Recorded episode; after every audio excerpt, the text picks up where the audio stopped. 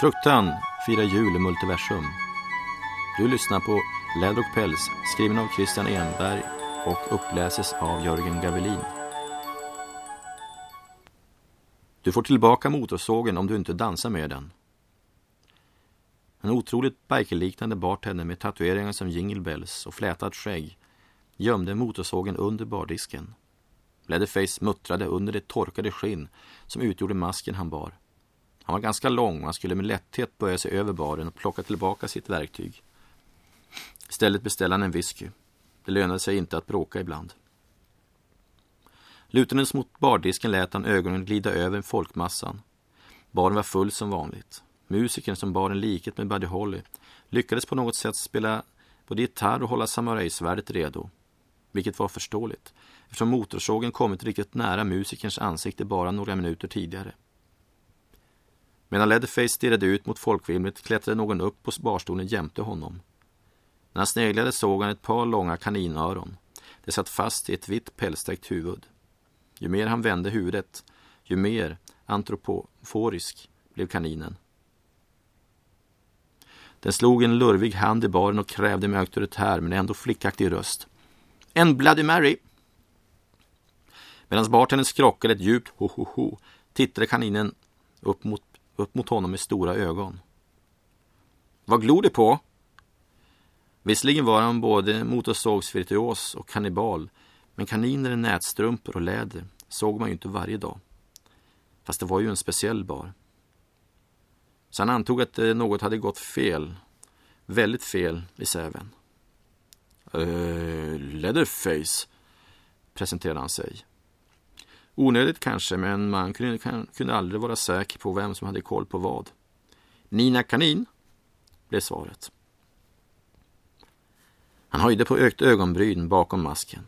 Kanske inte den första person som han hade förväntat sig här. Nina fick sin Bloody Mary och smuttade på den. Hon tittade upp mot honom igen. Han visste inte riktigt vad han skulle säga. I all ärlighet pratar han ju inte så speciellt ofta. Eh, så du kommer hit ofta? Det var ju inte kliché. Lika bra att hämta motorsågen och köra den rakt genom huvudet. Nej, faktiskt inte.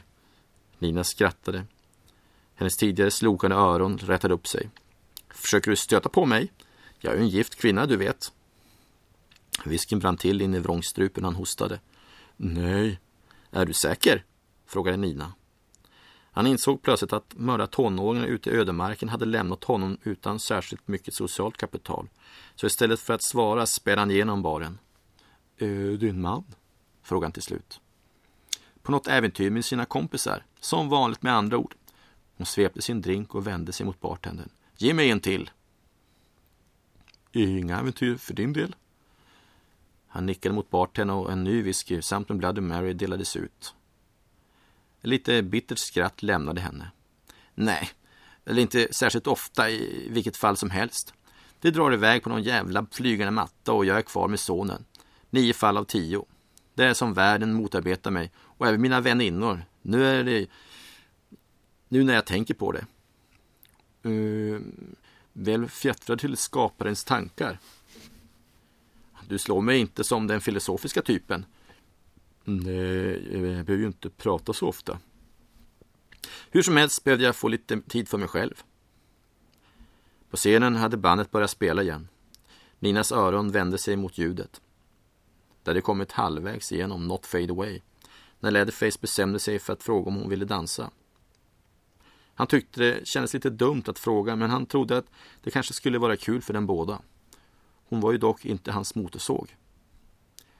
Varför inte? Men det finns ju ett problem. Nina använde sin ena hand för att markera höjdskillnaden. Leatherface ryckte på axlarna och sträckte ut händerna. Nina tog dem och lät honom rycka med henne ut på dansgolvet framför scenen. Bandet gled in i en ny låt. Well, that will be the day when you say goodbye. Yes, that will be the day when you make me cry. You say you're gonna leave, you know it's a lie. Cause that will be the day when I die. Det dansade så väl som en väldigt lång kannibal och en kort antropomforifisk kanin kunde göra tillsammans. Samtidigt som de höll i varsin drink. Efteråt stod de i baren igen. Nina skrattade gott. Det kändes som jag behövde det här, men jag måste nog bege mig hemåt. Hon hoppade av barstolen. Trevligt att råkas och vi kanske ses igen här. Leatherface nickade och åt igen till sin whisky när hon lämnat baren. Kanske skulle de ses och dansa igen.